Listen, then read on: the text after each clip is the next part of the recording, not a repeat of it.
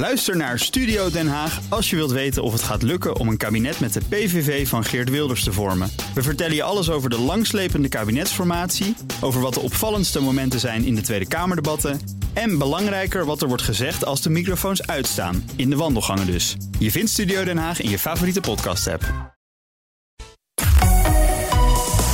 BNR Nieuwsradio. The Big Five. Diana Matroos. Welkom bij BNR's Big Five van de strijders. Deze week spreek ik vijf eigenzinnige personen, zoals Pieter Lakenman, die vecht tegen financiële misstanden. En zo ook voor elkaar kreeg dat Ralf Hamers persoonlijk strafrechtelijk vervolgd wordt. En bijvoorbeeld Wanda de Kanter, die vecht tegen de tabaksindustrie. Eén ding hebben mijn gasten gemeen. Ze gaan allemaal door het vuur om te strijden voor dat hogere doel. Maar wat drijft ze nou? Wat kost het persoonlijk en hoe ver moet je anno 2021 gaan om überhaupt dat belangrijke doel te bereiken. Vandaag sluit ik de week af met de bekendste misdaadjournalist van Nederland. Iemand die de rots in de branding is voor nabestaanden. Of zoals emeritus hoogleraar strafrecht Theo de Roos het zegt: het fenomeen Peter R. de Vries is nooit eerder voorgekomen. Peter, van harte welkom. Ja, goedemorgen. En ik merk dat je meteen moet lachen. Nou ja, dat is nogal een uh, kwalificatie. Maar uh, goed, hij komt uit de mond van iemand van wie ik het uh, graag aanneem. Ja, en graag aannemen, doet het je ook wat? Nou ja, het is altijd leuk om een beetje erkenning te krijgen. Dus uh, in die zin uh, waardeer ik dat wel, tuurlijk. Ja, dat is toch mooi. Als ja. je toch even dat. Uh, nou, het is toch een compliment. je begon als misdaadjournalist, hè, dat weet iedereen. En je bent dat nog steeds. maar je bent natuurlijk veel meer. Je bent ook vertrouweling, bijvoorbeeld van Nabil B. ook in die hè, kroongetuigen. kroongetuigen ja. In die hele grote, heftige zaak. Maar je bent ook die rots in de branding voor familieleden, nabestaanden. wat vind je nou zelf dat je het meeste bent in al die rollen?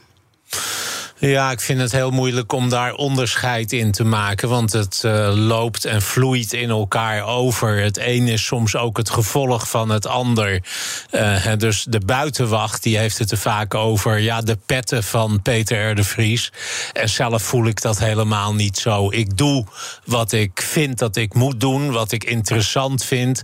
Uh, maar soms is het ook gewoon omdat iemand een beroep op mij doet. En ik vind dat ik dat niet kan weigeren. En ja, voor mij is dat één geheel. Dus die, die, ja. die petten. Die Stoort het je een zo. beetje dat, dat mensen dan uh, zitten te zeuren over die petten? Ja, eerlijk gezegd stoort me dat wel eens een beetje. Want er, er, er, er blijkt een houding uit dat men vindt dat je maar één ding in je leven mag doen. En als je dan, zoals ik, 40 jaar actief bent en af en toe eens een zijpaadje inslaat omdat je dat interessant vindt of omdat een ander een beroep op je doet en dat dat dan meteen een beetje neergezabeld wordt, dat daar uh, met een negatieve toonzetting over wordt gesproken. Ja, dat verbaast me een beetje. En, en, en soms ergert het me ook. En dan denk ik van, nou ja, het zegt meer over uh, hoe eendimensionaal degene is die de opmerking maakt, dan ja, dat ik probeer een beetje veelzijdig te zijn en gebruik te maken van de ervaringen die ik heb opgedaan. Daar kan niemand op tegen zijn, lijkt mij. Je hebt jezelf ook wel eens een instituutje genoemd. Ja. Ja. Uh, en als je kijkt, een instituut is een algemeen maatschappelijk geaccepteerd verschijnsel. ja. ja. ja. Ja, nou ja, ik, ik, vraag het ook omdat uh, vroeger uh, waren er misschien ook uh, mensen die zich irriteerden aan jou, dat je je overal nog steeds, mee hoor. bemoeide. Nog steeds. maar ja, misschien tel je ook pas mee als mensen zich aan je irriteren, of niet? Ja, maar ik denk dat dat natuurlijk inherent is aan in de publiciteit staan, op de barricade staan. Dan heb je altijd voor- en tegenstanders. En dat is maar goed ook. Want stel je voor dat iedereen uitermate lovend over je zou zijn. Dat zou niet gezond wezen. Je moet ook gewoon tegenwind hebben, kritiek hebben. Dat houdt je scherp. Ja, nou ja, je zoekt het uh, natuurlijk best wel op. Ja. En, en je kiest daarin ook heftige zaken. Maar je ziet wel dat je in justitiële kringen... wordt je nu echt geaccepteerd. Of er wordt ook wel gezegd, mm. ze hebben met je leren leven. Ja, ja. hoe, hoe, is, hoe is je dat gelukt? Om, om toch uh, echt uh, daar echt nou ja, geaccepteerd te worden in jouw rol? Nou, ik denk dat dat een, uh, een kwestie is van consequent, langdurig bezig zijn, volhouden, volharden, kwaliteit leveren, zeggen wat je doet en doen wat je zegt. Je woord houden is heel erg belangrijk, beloften nakomen. En op het moment dat je natuurlijk ja, successen boekt, eh, zaken oplost, uh, dingen terecht aan de kaak stelt, ja, dan, dan gaan mensen dat op den duur natuurlijk wel herkennen. En ik denk dat in de politie- en justitiewereld nou ja, het, het, het tamelijk onomstreden is inmiddels dat ik daar natuurlijk wel een factor in ben geweest. En dat ik dingen heb aangejaagd ook, dat ik voor veranderingen heb gezorgd. En uh, daar is lang niet iedereen blij of gelukkig mee. Hè? Want uh, ja, op het moment dat je de vinger op de zere plek legt, doet dat vaak extra zeer. Uh, maar men erkent dat wel. En nou ja, dat is mooi. En, maar goed, heb ik, ben ik ook 40 jaar mee bezig geweest, zeg ja, maar. Maar het is dus die volhardendheid uh, die jou daar ook he, heeft gebracht. Wat ik heel erg uh, boeiend vond bij jou, want ik moet je eerlijk zeggen, uh, toen het idee voor deze week ontstond, daar was jij eigenlijk de aanleiding toe. Oh. Ja, want en we hebben eigenlijk de week om jou heen bedacht. Zo. Uh, omdat um, je bent natuurlijk aanvoerder geweest uh, van de kleurrijke top 100 in 2016. Ja. Ik was dat in 2015. En dat is een lijst van uh, 100 Nederlanders die zich inzetten voor verbinding in de maatschappij, voor diversiteit. En jij zet je natuurlijk heel erg lang in, niet alleen de strijd tegen de, misdaad, tegen de misdaad, maar ook racisme, discriminatie. Uh, wat je aankaart. En ik was daar echt van onder de indruk uh, uh, wat, je daar, wat je daar zei. En dat had ook heel erg met je vader te maken. Ja, wel iets, ja. Ja, vertel. Ja, vertel, vertel. Um, nou ja, ik, ik heb toen die avond, toen ik die prijs kreeg, daar een, een toespraakje gehouden. En uh, toen heb ik een beetje eraan gerefereerd van waar komt dat vandaan?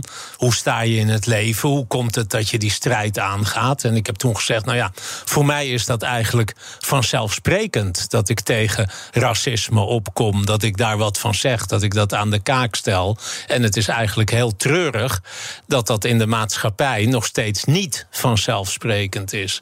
En nou ja, toen heb ik verteld dat ik een uh, tatoeage op mijn been heb staan, uh, een, een tekst, en die luidt on bended knee is no way to be free. En dat betekent dus op, op gebogen knieën, ja, zal je nooit vrij zijn. Als je geknecht wordt, zal je nooit vrij zijn. Als je onderdrukt wordt, zal je nooit vrij zijn. En die tekst is een, is een afgeleide van een van de tekst die op het graf van mijn vader staat. En die luidt: liever staand sterven dan op je knieën leven.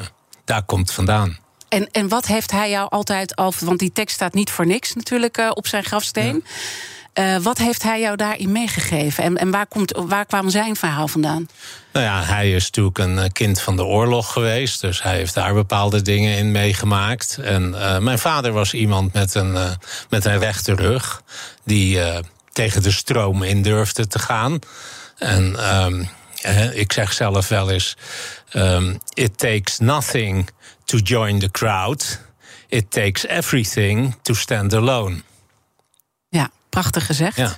Prachtig gezegd. En dat is wat hij dus ook deed? Ja, zo was hij ook. Het maakte hem niet uit of iedereen dacht van... ja, we moeten die kant op. Als hij meende dat de andere kant was, dan ging hij die kant. En dat is iets wat ik wel van hem heb, denk ik. En uh, vertelde hij daar ook veel over? En dat vraag ik ook omdat uiteindelijk op zijn sterfdag ja. pas duidelijk werd... Uh, dat hij een verzetsheld is geweest. Nou ja, verzetsheld is geweest, dat weten we eigenlijk niet. Dat is eigenlijk het frustrerende. We, zijn inderdaad pas na zijn dood achtergekomen dat er in de oorlogstijd van alles heeft gespeeld. Waarschijnlijk in het, uh, in, in het verzet in een of andere manier. Maar we zijn er nooit achter gekomen wat, wat dat precies was. Ik heb daar veel naspeuringen naar gedaan. Veel dingen nagetrokken. Contact met het, uh, met het NIOT en zo. Uh, er is iets in de Biesbos gebeurd. Dat is natuurlijk een plek uh, van het verzet. Hè, de, de, waar de overtochten naar, naar Engeland vaak werden georganiseerd en uitgevoerd. maar wat er precies is gebeurd, zijn we niet te weten gekomen. Ondanks dat we ook wel mensen uit die tijd die hem kenden daarover hebben gesproken. En die ook allemaal weten wel dat er, dat er iets heftigs is gebeurd. Maar dat uh, ja, daar uh, niet, het, is, dat niet het dus naadje niet. van de kous weten. En dat lijkt me super frustrerend, want jij zoekt ja. altijd zaken tot op de bodem uit. Ja. En dit blijft dus een raadsel. Ja, dat blijft een raadsel en dat is, dat is heel jammer. Ik heb er echt veel moeite voor gedaan. Maar goed, de tijd verstrijkt natuurlijk niet in ons voordeel. Hè. Mensen die er wat over kunnen vertellen zijn er bijna niet meer. Dus ik, ik heb het wel een beetje opgegeven dat, dat ik daar de waarheid in zal achterhalen. Terwijl je iemand bent die nooit opgeeft, ja. eindeloos Ja, doorgaat. ja. Maar bij deze heb je gedacht, dat boek is dan maar dicht.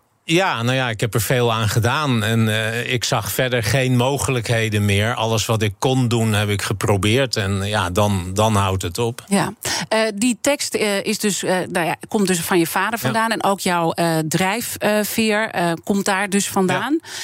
En, en je hebt ook nog een andere tekst, uh, vertelde je toen, die je hebt getatoeëerd. En je kijkt er ook elke dag daarnaar. Ja. En dat heeft met een filosoof te maken. Ja, dat heeft met de uh, Ierse filosoof Edmund Burke te maken. Die uh, leefde zo uh, aan het eind van 1700, 1780 ongeveer. En die heeft ooit een uitspraak gedaan, iets opgeschreven... wat mij heel erg aansprak. En dat, dat heb ik op mijn schouder laten tatoeëren. En dat zie ik dus elke morgen als ik opsta... en ik sta met de scheren en ik kijk in de spiegel, dan zie ik dat. En nou ja, ook die spreuk is iets... ja, je zou kunnen zeggen, het is me letterlijk op het lijf geschreven. Mhm. En uh, de tekst luidt: All that's necessary for the triumph of evil is good men do nothing. En daarmee zeg je van er is eigenlijk geen optie om niks te doen. Ja, en, en de geschiedenis leert ook wel dat het kwaad heeft kunnen triomferen. Naar welke episode je in de geschiedenis ook kijkt, bijna ook naar welke gebeurtenis ook. Het kwaad heeft alleen kunnen triomferen omdat goede mensen, mensen die in staat waren er wat aan te doen, niets gedaan hebben. De andere kant op keken, de ogen gesloten hielden. En ja, ik zie dat eigenlijk nog steeds elke dag dat dat zo werkt. Als je nu kijkt ook naar bijvoorbeeld de toeslagenaffaire en je ziet de verhoren, dan blijkt dus dat uh, men menigmaal aan de bel heeft getrokken, dat men alarm heeft geslagen, noodkreten heeft geslaakt, dat de top daarvan wist, dat de ministers zijn aangeschreven. Dat waren de mensen die wat hadden kunnen veranderen, die wat hadden moeten doen. Dat waren de good men, zeg maar. Maar ze deden niks. En, En, daardoor... en wat is dat? Dat we in, in zo'n samenleving leven? Heb je daar een verklaring voor? Nou ja, een vorm van, van passiviteit. Denken dat anderen het wel doen. Jezelf niet verantwoordelijk voelen. Dat is eigenlijk wat ik heel veel zie. Uh, niet verantwoordelijk voelen. Niet de urgentie voelen van ja, maar ik moet opstaan. Ik moet hier wat aan doen. En uh, als ik dat niet doe, ja, dan gaat het gewoon door. The Big Five. Diana Matroos. Deze week BNR's Big Five van de strijders. Waarin ik praat met mensen die strijden voor een hoger doel. Eerder deze week sprak ik met bedrijfsonderzoeker Pieter Lakenman, macro-econoom Kees de Kort, Jens van Tricht, die staat voor mannen-emancipatie, en met longarts en anti-tabakslobbyist Wanda de Kanter. Al die gesprekken zijn terug te luisteren in onze BNR-app. Mijn gast vandaag is misdaadjournalist Peter R. de Vries, de bekendste misdaadverslaggever van Nederland. Maar intussen, Peter, zoals we net zeiden, veel en veel meer. Uh, de rots in de branding ook voor nabestaan als het gaat om verschrikkelijke kindermoorden, zoals Nicky Verstappen. Maar ook dus de vertrouwenspersoon van Nabil B. kroongetuige in dat uh, proces wat helemaal draait om de mokromafia. Hoe verhouden die twee zich met elkaar? Nou, dat verhoudt zich eigenlijk wel goed. Het is uh, natuurlijk niet één op één vergelijkbaar. De, de ouders van Nicky Verstappen en Nicky Verstappen zelf zijn natuurlijk volmaakt onschuldige mensen die door het ergste noodlot wat je kan bedenken zijn getroffen en daardoor alle support en hulp nodig hebben. Maar uh, Nabil B. is een man die ook, uh, naast dat hij een boef was, ook inmiddels slachtoffer is. Zijn broer is vermoord omdat hij praat over wat hij heeft gedaan. En wat zijn toenmalige companen hebben gedaan. En het is een onschuldige broer, hè? Dat is en ook, een uh, volmaakt goed. onschuldige broer die nergens mee te maken heeft. Gewoon om hem te treffen, hem te raken. En ook zijn advocaat Dirk Wiersum is vermoord. Dus ja, deze man heeft enorm veel meegemaakt. Is slachtoffer uh, in mijn ogen. En toen hij ook een beroep op mij deed van... zou je me willen helpen, want ik zit zonder bijstand. Uh, ja, toen vond ik eigenlijk, dat kan ik niet weigeren. Dan, dan kan ik niet zeggen, ja, maar dat wordt me nu net even te link. Ik ben misdaadverslaggever en ik zou niet in de spiegel kunnen kijken... als ik dan in zo'n situatie zou zeggen... nou, uh, ga maar even een deur verder, hoor, want uh, ja. dit, dit, is te heet. Dat doe Terwijl ik je wel op de dodenlijst staat. Ja, dat is de consequentie daarvan. Maar ja, dan wijs ik toch maar naar die tatoeage op mijn been. On bended knee is no way to be free. Ik laat me door niemand onderdrukken. En uh, ja, dus uh, dan doe ik dat. Ja, en je, je kan ook niet tegen de lafheid uh, van anderen. Maar kan je ook ergens voorstellen dat andere mensen bang zijn om zich uit te spreken, om wat te doen? Kan je het je überhaupt voorstellen? Ja, ik snap natuurlijk heus wel dat er onder bepaalde omstandigheden. Hè, dat je moet uitkijken wat je zegt. Of ja, dat het lastig is. Maar ik word ook wel heel veel geconfronteerd met mensen die nodeloos bang zijn, uh, wegduiken, stil zijn. Uh, en ja, daar, daar kan ik me nog altijd wel enorm over opwinden. De, de nodeloze bangheid die er, die er soms is. En het onterechte beroep wat er nou ja, op, op risico, op veiligheid wordt gedaan. Egoïsme? Ja, dat is heel vaak egoïsme. Maar ja, ja, goed, mensen krijgen het soms ook wel thuis met de paplepel ingegoten. Als ik soms ook zie hoe, hoe kinderen worden opgevoed. Daar zit weinig zelfredzaamheid meer in. Hè, maar alles wordt voor ze bedacht. Alles wordt uh, voor ze weggenomen. Het straatje ja. wordt helemaal schoongeveegd. En we mogen vooral geen, uh, geen, geen zere knieën meer halen. We mogen niet een keertje flink op ons snuit gaan. En ja, daar, daar kweek je bange mensen mee. Ja, en dat, dat is in ieder geval het pad wat jij heel duidelijk niet gekozen hebt om het anders te doen. Uh, waar jij ook echt um, enorm in opvalt, is dat je die nabestaanden zo steunt op een manier die ontzettend uh, ver gaat. Ik heb uh, ook een heel bijzonder fragment. Ik zou uh, iedereen aanraden om dat ook te kijken bij RTO Boulevard, waar je dus ook over een van de eerste, of de eerste kindermoord waar je je voor inzet. Ja. Petertje Oort. En je merkt dan, je moet huilen.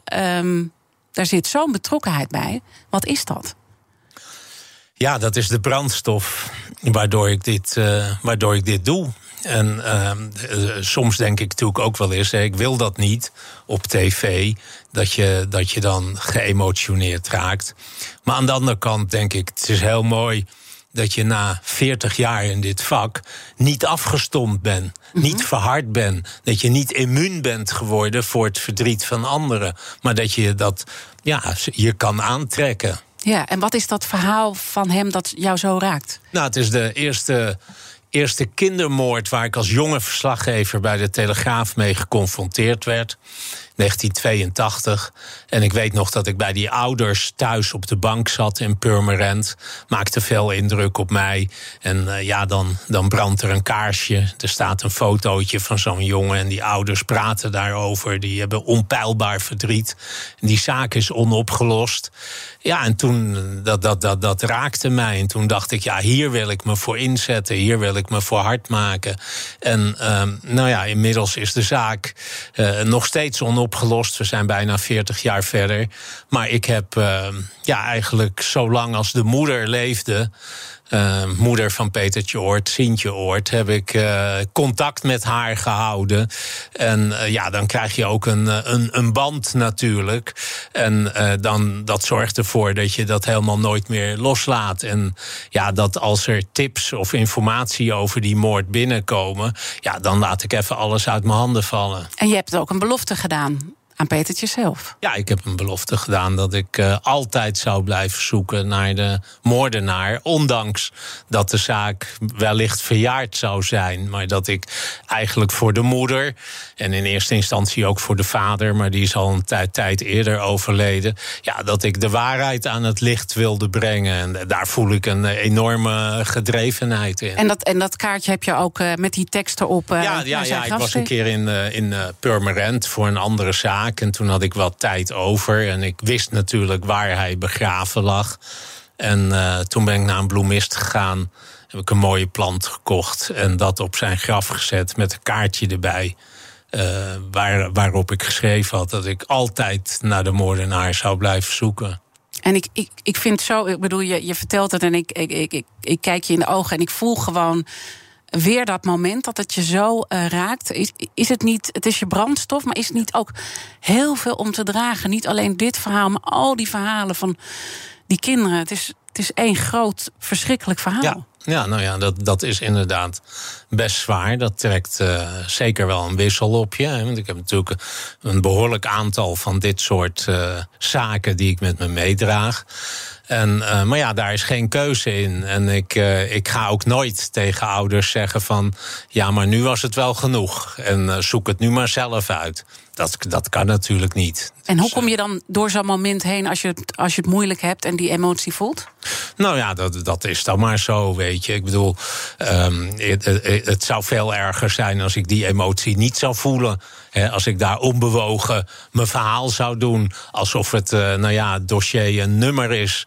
En uh, nee, het is juist die emotie, het gevoel van onrecht, waardoor ik zeg dat is de brandstof voor mij om door te gaan. Ja. En, maar is er ook iemand voor jou die jou dan helpt? Of heb je een bepaalde manier om ermee om te gaan, om het van je af te schudden?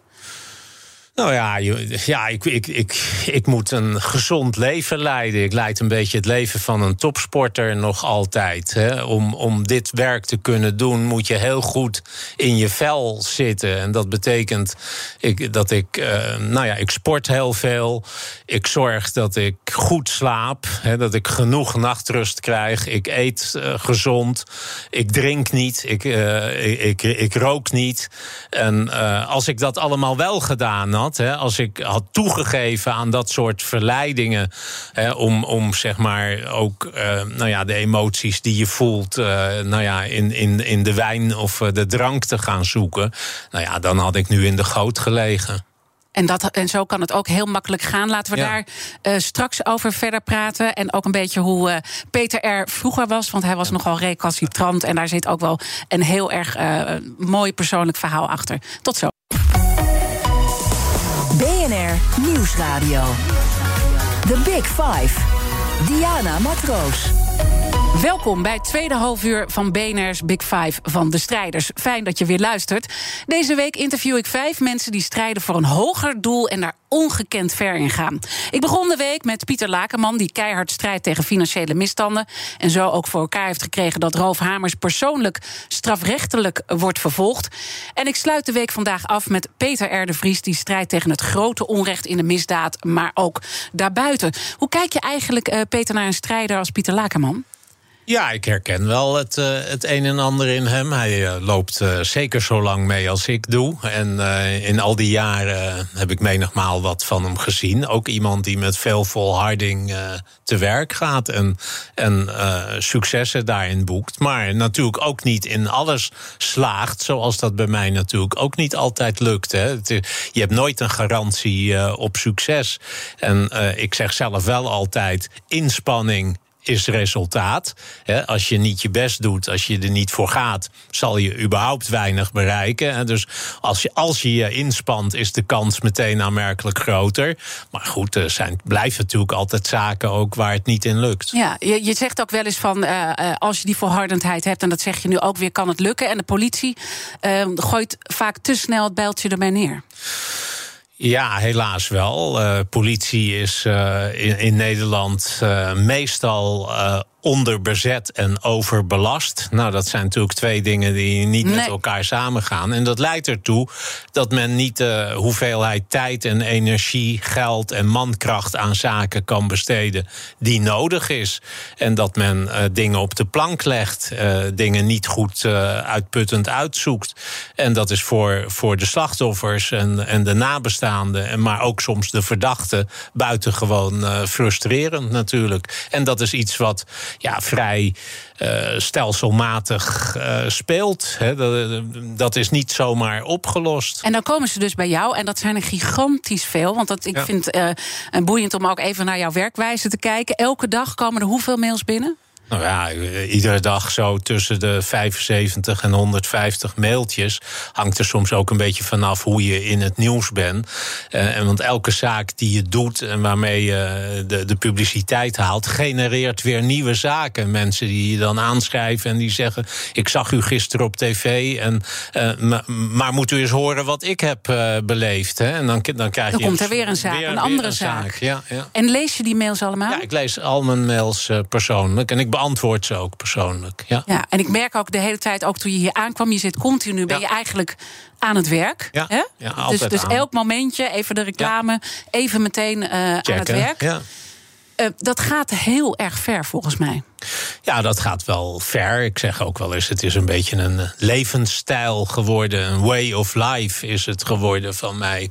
Uh, ik sta altijd aan. En uh, er zullen ook mensen zijn die, die verbijsterd hebben gezien... dat ik ook op eerste en tweede kerstdag mijn mail beantwoord. En uh, dat ze denken van, wat krijgen we nou? ja. En heeft die man niks anders te doen. En waarom en, doe je dat? Nou ja, dat, ook om het, om het te kunnen managen. Hè? En, Um, ook om overzicht te houden. En op het moment uh, dat ik dingen laat oplopen, mijn mail, volle mailbox met onbeantwoorde mailtjes van mensen, raak ik het overzicht kwijt. En dat maakt me dan onrustig. En uh, ik, ik, kan ook niet goed tegen mensen die daar wel mee kunnen leven. Hè, die, die je dan een mailtje stuurt en, uh, met een belangrijke vraag. En die dan gewoon twee, drie weken niet antwoorden. Ja. En, en dan, als je ze dan spreekt, zeggen: Oh ja, tuurlijk, ja, oh ja, ja, dat moest ik nog doen. Ja, daar is niet van gekomen. Nou, daar kan ik nijdig ja. om worden. Zoals ik er ook niet tegen kan als mensen te laat komen. Een van de dingen die bij mij ook altijd uh, speelt, is um, uh, omdat ik het druk heb, omdat ik goed moet plannen, omdat ik efficiënt moet werken, ja, ben ik iemand die echt van de klok is. Hè. Ja. Het, het, het je was hier trouwens ook heel erg op tijd, want meestal ja, komen gasten op het laatste ja. moment binnen en in één keer stond je er al van dat, uh, dat, dat, super fijn. Dat kan ook niet anders. Uh, dat gaat dus ehm, heel erg ver. Je staat altijd aan. Je vraagt ook heel veel van de mensen met wie je werkt. Hè. Als, als ik een beetje over jou lees, dan uh, en, en wat ik over jou hoor, is dat je aan de ene kant heel goed bent voor je mensen. En, en heel veel aan die mensen geeft, maar ook heel veel vraagt. Ja, ik vraag wel. Je trekt uh, ze over de rand. Ik vraag uh, inzet en, en kwaliteit en, en, en betrokkenheid. En nou ja, goed, dat is misschien niet iedereen gegeven. Maar ik vind het toch wel mooi dat. ik ben natuurlijk al lang bezig. dat een groot aantal jaren mensen bij mij zijn blijven werken. Hè, dus die daar niet genoeg van kregen, maar er, erbij bleven. Hè, maar sommigen trekken het niet, denk nou, ik. Dus de, de, ja, de, nou ja, laat ik zeggen, zoals in, in de voetballerij ook niet iedereen het eerste van Ajax haalt.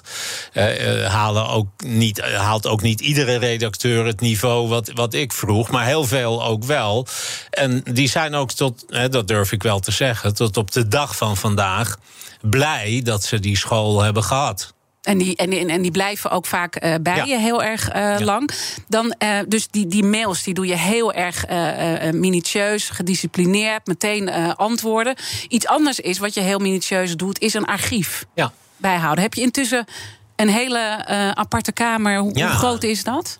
Ja, dat is groot. Dat is, uh, ik, ik, heb het geluk gehad. Ik weet ook niet eens hoe dat precies kwam. Maar toen ik als uh, jonge verslaggever begon, uh, meer dan 40 jaar geleden, ben ik meteen begonnen van de allereerste zaak die ik deed om daar een dossier van aan te leggen. Een mapje.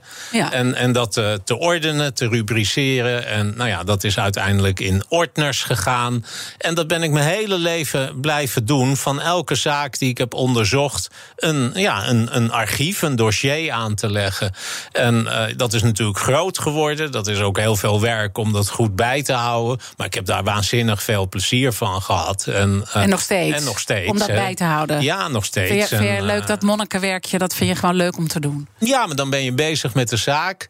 Dat zorgt er vaak ook voor dat je, dat je, dat je, dat je dingen op je laat inwerken. Je, het gaat nog eens door je handen. Je bergt het op. Je weet waar het zit. En uh, nou ja, vaak wordt er nog een beroep op gedaan. Een poosje geleden in een moordzaak, een cold case zaak, kwam uh, de politie nog bij me. Dat in, uh, in het jaar 2000, praten we dus over 21 jaar geleden, ja, een, een, een, een iemand beweerde dat hij contact met mij had gezocht. En ook een brief aan mij had geschreven over die zaak.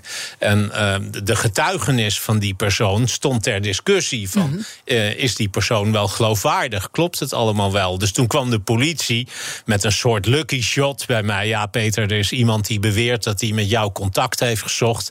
En ook een brief geschreven. Sla je daarop aan? Maar het is wel twintig jaar geleden. Toen zei ik, nou ja, ik zal even kijken, jongens. En uh, ja, ja, vervolgens vind ik dan dus die brief terug waar het om ging. En uh, vind, zelfs de telefoonnotities zaten daar nog bij. van op welke dag zij gebeld had. Ja. En dat kon ik vervolgens ook nog weer terugvinden in mijn agenda. Want die heb ik natuurlijk ook allemaal van 40 jaar bewaard. Uh, precies met de dag erbij dat ik nog een afspraak heb. En hoe staan ze dan naar je te kijken? Die, nou ja, dan zijn ze wel verbluft. En dan, en dan, nou ja, dan, dan, dan, dan ben ik natuurlijk ook weer even voldaan. En denk ik van, nou ja, dat, dat, dat bijhouden van dat archief... dat betaalt zich af en toe toch leuk uit. We hebben altijd de kettingvraag in deze uitzending... Ja. waar onze gasten elkaar vragen stellen. En gisteren sprak ik met Jens van Tricht... Uh, die als directeur van Emancipator zich inzet voor mannen-emancipatie. Want eigenlijk zegt hij...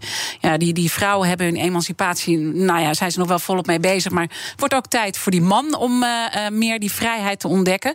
En hij had deze vraag voor jou. Als we weten dat meeste geweld en criminaliteit door jongens en mannen gepleegd wordt. En we weten dat traditionele stereotype opvattingen over mannelijkheid uh, daar vaak een rol bij spelen of, of de oorzaak van zijn. Uh, hoe kunnen we dan die mannelijkheid veranderen en wat betekent mannelijkheid voor jou? Oei. Ja. dat is wel een, uh, wel een bijzondere vraag. Maar ja, ik moet je wel zeggen, hij valt bij mij een beetje toch in de categorie. Um, ja, hoe zal ik het zeggen? Van, um, laat ik een vergelijking uh, aanvoeren. We weten ook dat um, van alle gedetineerden in Nederland, alle gevangenen, alle criminelen, zo'n 95 procent ooit moedermelk heeft gehad. Ja. Zullen we daarom maar de borstvoeding afschaffen? Daar vind je het een beetje op lijken. Ja, ja, ja. ja. laat ik zeggen, het is waar wat hij zegt. Ja. Maar het is ook weer zo'n waarheid waar je niet veel mee kan. Hè? En, nou, en het ja. is ook waar dat iedere gedetineerde ooit uh, moedermelk heeft gekregen. En uiteindelijk dus crimineel is geworden. En, maar je gaat dan een soort samenhang. Uh, daarin veronderstellen die, die eigenlijk niet, niet, niet ja, reëel ik, ik, snap dat je het zegt. En tegelijkertijd moet je ook zijn hele verhaal horen. Ja. Ook wat erachter zit. En hij baseert zich ook op allerlei onderzoeken. Hè, dat hij vindt dat, dat mannen. Maar mensen moeten dat maar gewoon apart luisteren. Dat mannen ja. Um, nou ja, ook een andere kant in zichzelf moeten ontdekken. Omdat ze in een bepaalde hoek worden gedrukt. Eigenlijk al vanaf geboorte. Wat ook een ne negatieve uitwerking kan krijgen. Maar, maar laten we dan even kijken. Want ik bedoel, je komt ook een hoop boeven tegen natuurlijk mm. uh, in je leven. En sterker nog, eentje was ook een goede uh, ja. vriend van je. Hè, natuurlijk Cor ja. van Hout, ja. Heineken ontvoering. Uh, wat is dat in jou dat je toch ook met zo iemand een bepaalde vriendschap kan hebben? Die, die dat boevengedrag nou ja, tot in zijn haarvaten heeft? Ja, dat is toch een soort interesse in, in de duistere kant van mensen. Een soort fascinatie daar misschien wel voor. Hè. Ik zeg wel eens ook van de mooiste bloemetjes groeien aan de rand van de afgrond. En nou ja, ik ben daarin geïnteresseerd. Ik wil weten hoe het in een mensenleven kan lopen, waarom iemand iets doet. Kijk, ieder kind uh, wat, wat gevraagd wordt, wat wil je later worden, droomt ervan om politieman, brandweer, piloot, dokter uh, te worden. En er is geen kind dat zal zeggen: ik wil later moordenaar worden. Mm -hmm. Nee, en, dat maar lijkt toch niet. gebeurt er in die kinderlevens uiteindelijk iets waardoor een aantal van die mensen dat wel wordt. En daar ben ik in geïnteresseerd. En uh, daar sta ik ook, ook voor open om, om dat te horen. En ik, ik vind ook, als je daar niet in geïnteresseerd bent, als je daar niet nieuwsgierig naar bent, zal je ook nooit de misdaad kunnen bestrijden, want dan weet je niet wat er gebeurt. Dus dat moet in die zin hand in hand met elkaar gaan. Is het Ja. ook zo dat als je naar jezelf eh, kijkt en hoe jij bent opgegroeid, dat jij ook dat pad had kunnen bewandelen? Ja, dat denk ik uh, zeker wel. Ik ben opgegroeid in, uh, in Amstelveen, in een hele beschermde omgeving. Keurige mensen allemaal, mijn ouders uh, ook allemaal heel keurig.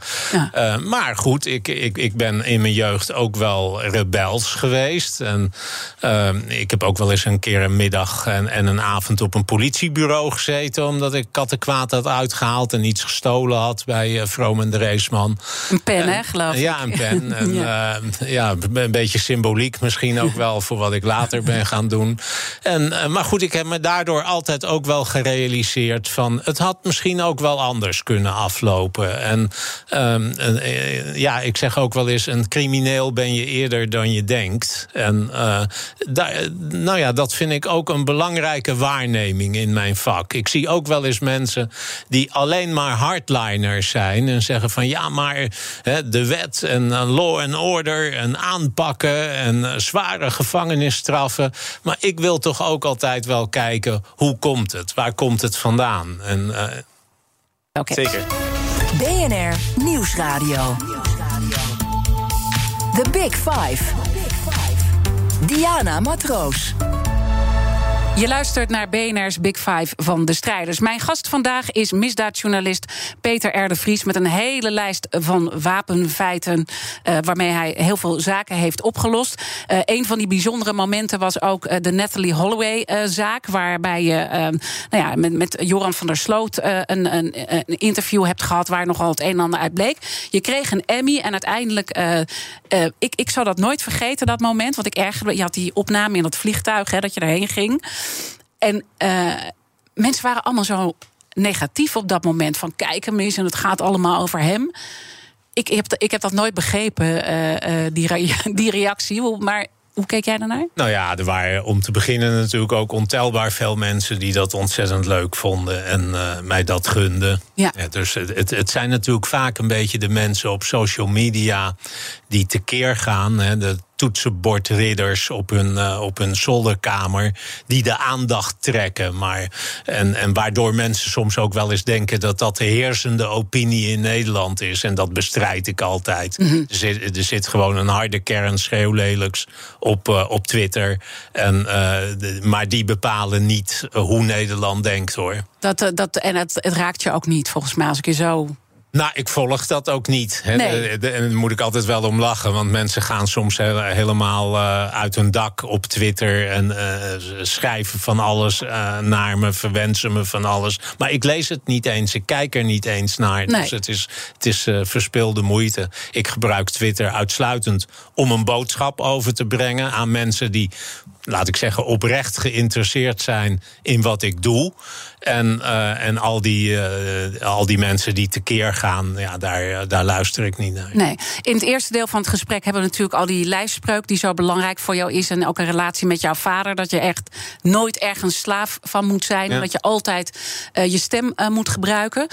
dus je laat je ook niet door dreigementen ja. in de hoek drukken. Ook niet het feit dat je nu op die dodenlijst staat van de NCTV. Nee. In die zaak Nabil B. Maar ben je wel eens bang? Nee, ik ben eigenlijk niet gauw bang. En dat wil overigens niet zeggen dat ik niet alert ben. Maar dat is wat anders. Hè. Ik, ik snap heus wel dat me iets zou kunnen gebeuren. En dat ik daar soms voor moet uitkijken. Maar kijk, als je bang bent, dan word je een chirurg die met trillende handen staat te opereren. En die operaties gaan meestal fout. Die lopen verkeerd af. dus het gaat erom dat je ja, omstandigheden voor jezelf creëert waarin je met vaste hand kan blijven opereren. En, en, en daar past angst niet goed bij. Als ik angst zou hebben, zou ik dit werk niet kunnen doen. En dan zeg ik wel eens gekscherend: hè, als je angst hebt, dan moet je bij de libellen gaan werken. Ja, en, en, en, en als het dan gebeurt, dan, dan is het maar zo. Dan is het uh, maar zo. Ja, dan geldt die spreuk op het uh, graf van mijn vader. Liever staan sterven dan op je knieën leven. Ja ik vind het toch ongelooflijk dat je dat zo doet. En ik, ik snap ook wel dat je zegt, je moet er wel hard in, in zijn. Want anders dan, dan ben je helemaal uh, verloren om dat uh, te doen. Maar heb je niet ook wel eens iets van, uh, ik stop ermee? Nou ja, soms heb je wel eens van die momenten hè, dat je denkt van het wordt allemaal erg veel en uh, soms zwaar en uh, soms zitten dingen tegen. Dat je wel eens denkt van jeetje mina, had ik nu niet uh, inmiddels ergens onder een parasol met een goed boek moeten liggen. Ja. die gedachten bekruipen mij ook wel eens. Maar aan de andere kant kriebelt het nog altijd. Heb ik nog een aantal zaken op mijn lijstje staan die ik wil oplossen. Wordt er een beroep op me gedaan waarvan ik zeg ja dat kan ik toch niet laten gaan. Dus uh, het bloed kruipt waar het niet gaan kan, eigenlijk altijd. En dus ga je, en dus ga je door. Uh, wat mij wel opviel, een paar weken geleden uh, had je weer een zaak die je bij ja. Boulevard onder de aandacht bracht. En je bent daar natuurlijk een aantal keer in de week waar je ook echt dat platform krijgt om die verhalen te delen. Maar toen zei je ook. Uh, ik wil dit echt nog opgelost hebben, want ik heb ook niet het eeuwige leven. Ja. En ik dacht wel, wat bedoel je daar precies mee? Want ik bedoel, zo oud ben je nog niet. Nee, maar goed, ik ben ook niet meer de jongste natuurlijk. Hè. Nee. Dus uh, nou, ik, ik, ik, bedoelde daar wel mee dat zaken vragen soms heel veel tijd, heel veel jaren. Het ging om de zaak van Tanja Groen, waar ik dit jaar heel veel aan ga doen en mee bezig ben. En uh, haar ouders uh, zijn inmiddels achter in de zeventig. Die hebben er recht op om te weten wat er met hun dochter is gebeurd. Daar wil ik me hard voor maken. En toen heb ik daar inderdaad aan vastgeknoopt van ja, jongens luister, ik kan ook niet eeuwig doorgaan. Nee. Dus ik wil die zaak toch wel heel graag van mijn lijstje af hebben. Maar het is niet zo dat je ook met de gedachte leeft... het nee. kan wel eens eerder afgelopen zijn door uh, de dreiging... die er ook rond jouw leven is. Nee, die kans bestaat. Maar daar, dat is niet iets waar ik rekening mee hou. Ik, ik ga door en uh, ja, ik, ik, nou ja, ik laat me niet afstoppen. Wat nee. dat betreft. Uh, uh, die kettingvraag gaat natuurlijk uh, ook weer door naar ja. volgende week. En dan begint mijn collega Art Rooijakkers aan een nieuw thema. Dat heeft alles te maken met vaccineren. En zijn eerste gast in de week van het, de BNR's Big Five van het vaccin... dat is José Sanders. Zij is hoogleraar narratieve communicatie. En dan met name hoe communicatie ons gedrag kan sturen. En dat is natuurlijk heel erg interessant ja. in tijden waar we Ja. praten over het vaccin. Wat zou je haar willen vragen? Ja, ik zou haar willen vragen. Zij is specialist in storytelling, hè, eh, narratieven. Eh, hoe een boodschap overgebracht moet worden, welke impact die kan hebben en hoe deze succesvol is of juist niet. En ik zou haar willen vragen als zij kijkt naar de communicatie van het kabinet in de coronacrisis. Kan zij dan iets aanwijzen waarvan zij zegt: daar doen ze dat eigenlijk stelselmatig niet goed of schiet het in ieder geval tekort? Kortom, is Mark Rutte een goede boodschappenjongen of niet? Die uh, vraag gaat hij zeker stellen uh, volgende week. Uh, maar wat vind jij? Um, nou ja, ik vind dat er wel wat is af te dingen op, op, op het beleid. Dat is natuurlijk vaak innerlijk tegenstrijdig. Er is voor veel mensen ook niet een touw aan vast te knopen. Je, je ziet ook wel onbegrijpelijke dingen gebeuren. En ik snap ook wel dat men uh, ja, het aldoende moet leren in deze kwestie. Want we hadden er geen ervaring mee met dat corona. Maar uh, nou ja, het, het, het, trekt echt wel een zware wissel op de, op, op de hele gemeenschap. En ik vind dat iedereen van goede wil is over het algemeen. Ik, ik heb me er wel vaak aan gestoord dat bepaalde politici, maar ook wel bepaalde media, mensen die in, in situaties verzeild raakten, meteen uh, voor AZO hebben uitgemaakt.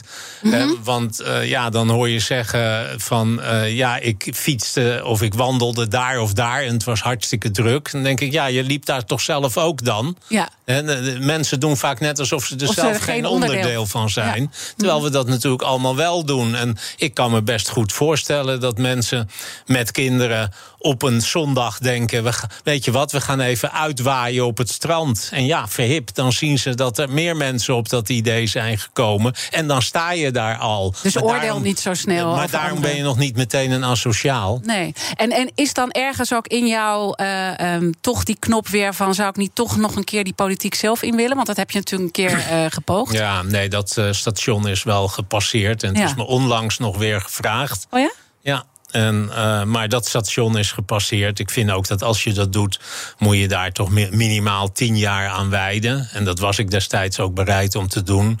Maar uh, die tijd heb ik nu niet meer. Er staan nog, uh, zoals we net al zeiden, wat, wat zaken op mijn lijstje die ik er vanaf wil hebben. En daar past de politiek niet bij. Maar het is natuurlijk wel mooi mee, meegenomen dat je als buitenstaander, als outsider, soms meer invloed kan hebben op dingen dan een Tweede Kamerlid, wat zich helemaal te pletter zitten lezen aan stukken in het uh, Dus daar kies je voor ja. uh, om dat te blijven doen. Uh, als je dan toch even filosofeert, je, je zit onder die parasol... Waar, waar je af en toe wel over nadenkt. Wordt het niet eens tijd dat ik onder die parasol ga zitten? Wat, wat, wat, wat, wat zou je dan doen? Waar denk je dan aan? Dan zou ik toch altijd bezig blijven. Ik, ik, ik, lees graag, maar dan lees ik toch weer graag boeken over waar gebeurde dingen. Biografieën van mensen, maar ook veel natuurlijk true crime.